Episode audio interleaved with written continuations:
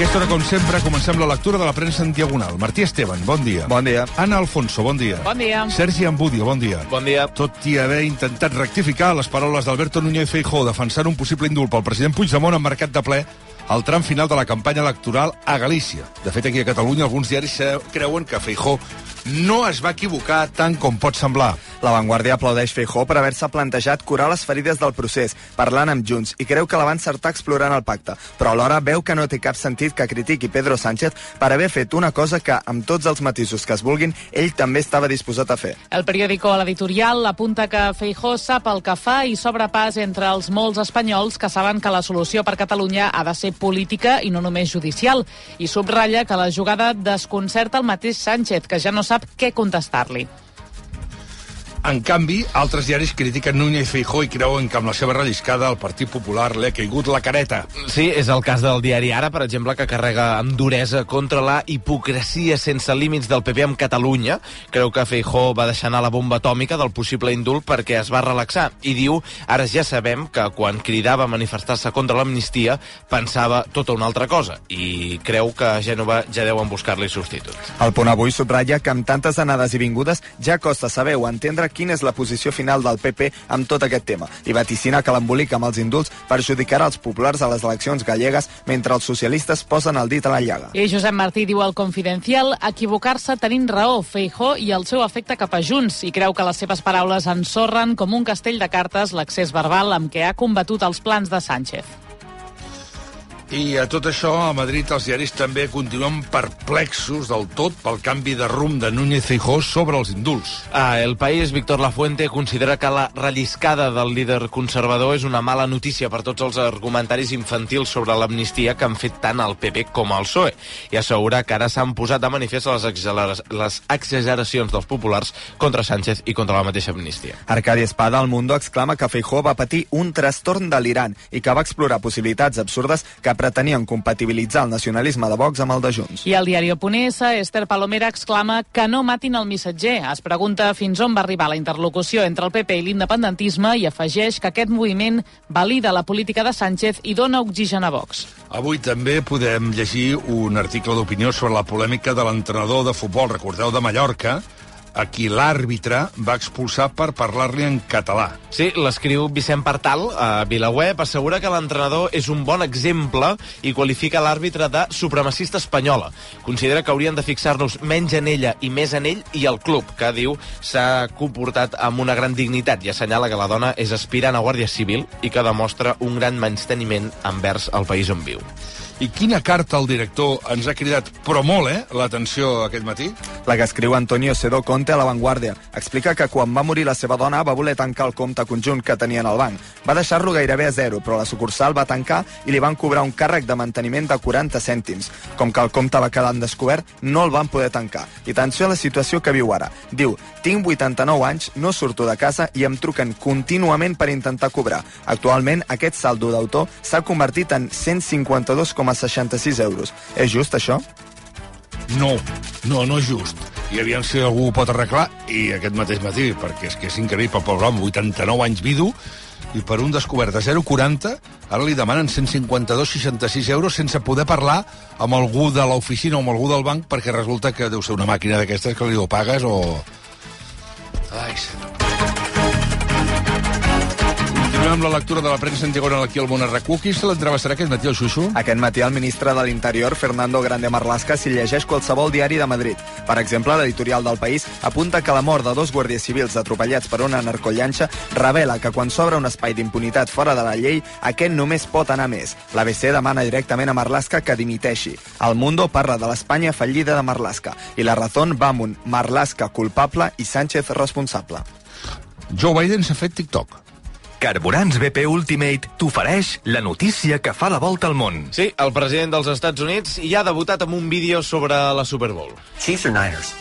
two great quarterbacks. Hard to decide, but if I didn't say Entre altres coses, li pregunten si va amb els Niners o amb els Chiefs i no es mulla, diu que ell va amb els Eagles. També li pregunten si és més de Travis Kells o del seu germà Jason i tampoc es mulla. Diu que, de fet, és més de la mare Kells, que fa bones galetes, diu. Biden ha obert compte a TikTok poc després de la preocupació sobre la seva memòria i en un intent, diuen els analistes, d'arribar als votants més joves, una decisió, per cert, que també genera polèmica, perquè fa temps que els legisladors americans demanen regular millor l'activitat que fa no només els ciutadans, sinó també el govern dels Estats Units a TikTok. Ho llegim en mitjans com The Guardian o The Spiegel. I ara demana un desig. Últimament em demanen molt ser de mi BP perquè així sempre pots tenir a mà la targeta virtual a la teva app Mi BP, consultar els teus saldos, ofertes i promocions... No, si jo ja sóc de BP. Ah, d'acord, doncs llavors no sé què més pots demanar. Un cotxe... Si tu també vols demanar un desig, descarrega l'app Mi BP i aconsegueix aquests avantatges i molts més. Mònica Usar, bon dia. Bon dia. Nova York es prepara per una tempesta de neu. Més de 100 milions de persones estan en alerta als Estats Units per l'arribada d'aquesta tempesta hivernal que afectarà sobretot Pensilvània, Nova York i Nova Jersey. Deixarà fins a 20 centímetres de neu a la ciutat de Nova York, el gruix més important dels últims dos anys. Això afectarà la mobilitat tant per carretera com també l'arribada de vols i les escoles tancaran. La U és la primera televisió del món que emet en ultra alta definició. El canal principal de Ràdio Televisió Espanyola ho fa ja des d'aquest diumenge a través de la TDT. La U, doncs, s'emet ara amb la màxima qualitat d'àudio i vídeo. El canvi és automàtic i no és necessari fer cap acció a la televisió ni a les antenes. Ho llegim a l'avantguàrdia. Qui té un alumne té un tresor. Sí, o almenys això és el que ha in, intentat un professor de secundària de Montreal, al Canadà. Uns quants alumnes van descobrir, per casualitat, que el seu mestre estava venent, atenció, els dibuixos que feien a classe per internet. Havia creat un blog personal i li havia posat de nom Creepy Portrait, és a dir, més o menys retrats esgarrifosos. En el moment en què els alumnes van descobrir el negoci, el professor ja havia venut prop de 100 dibuixos a un preu de 110 euros cadascun. Ho llegim a The Guardian. I el bitcoin torna a superar els 50.000 dòlars després de gairebé 3 anys. Santanderesmusic.com t'ofereix la notícia econòmica. No ho feia des del 2021. El preu de la criptomoneda més important del món ha augmentat un 15% des de principis d'any, impulsat sobretot per la decisió de la Comissió de Valors dels Estats Units, que permet des de fa un temps invertir i negociar la borsa amb bitcoins. Ho llegim al Financial Times. Quan alguna cosa t'agrada molt, saltes. Salta amb el Santander a descomptes en festivals i concerts. A prevenda exclusiva d'entrades i a meet and greet amb artistes. Només per ser del Santander. Viu la cultura i el millor contingut musical a santanderesmusic.com. Salta amb el Santander. Santander, per tu, els primers. Què hem descobert a TikTok a tres quarts tocats de vuit del matí? Doncs una versió d'aquesta cançó.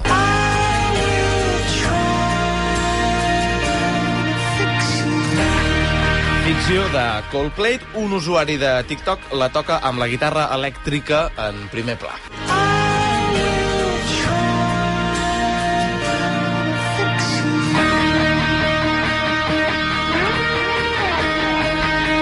I arriba un moment en què passa això.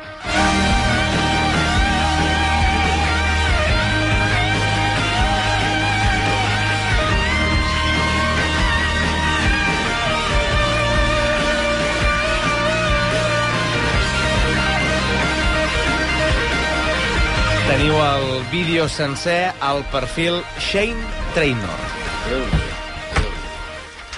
Assistència sanitària. La dels metges patrocina aquesta secció. Albert Pedrol, bon dia. Bon dia. La premsa esportiva.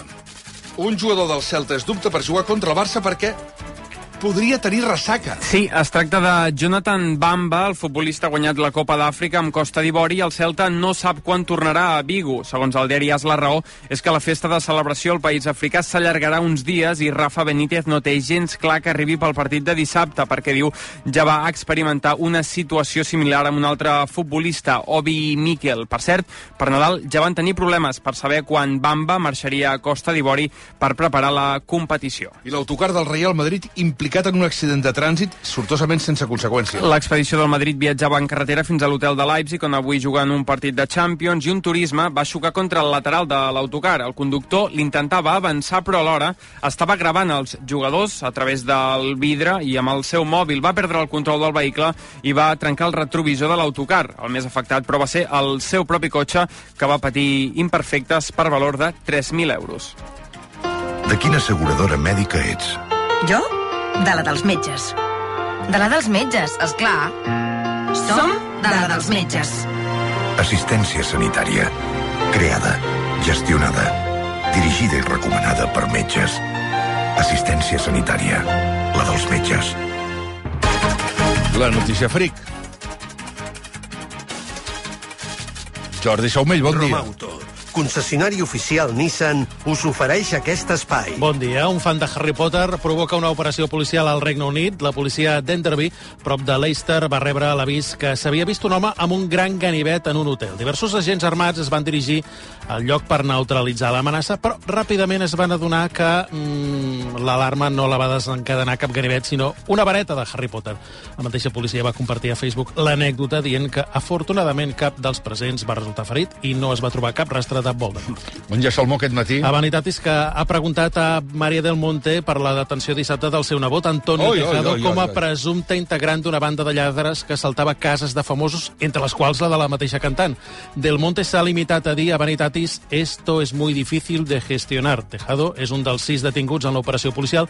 Ahir es va fer públic el vídeo de com la policia va entrar a casa seva i els feixos de bitllets que els agents anaven trobant als armaris. Fa uns anys, Tejado va ser col·laborador habitual del programa Sálvame, en qualitat de nebot de Maria del Monte, però també d'exparella de Rosario Moedano, que és la neboda de Rocío Jurado.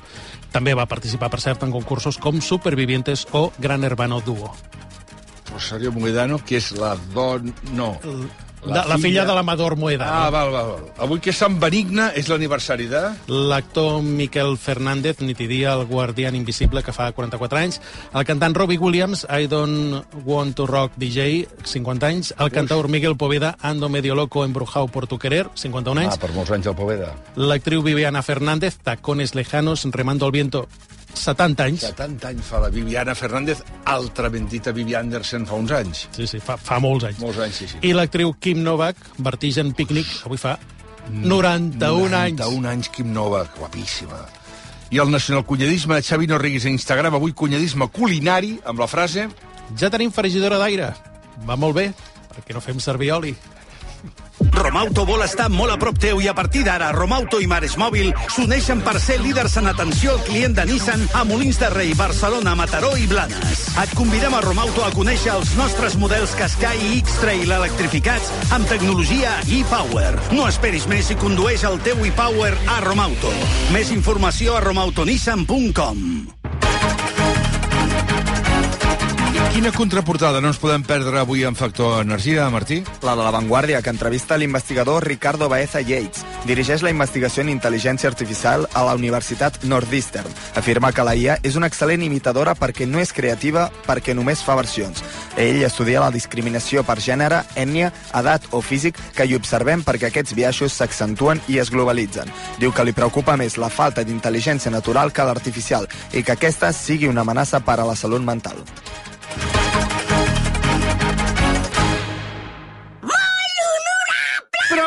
Salteu-vos al meu càrrec i parleu directament amb l'administrador. Parla amb l'administrador de la teva comunitat de veïns per fer una instal·lació d'autoconsum. Ningú en sap més que ell. Per fi hi ha un altre llum. Factor Energia. Empresa col·laboradora amb l'esdeveniment Barcelona Question Challenge.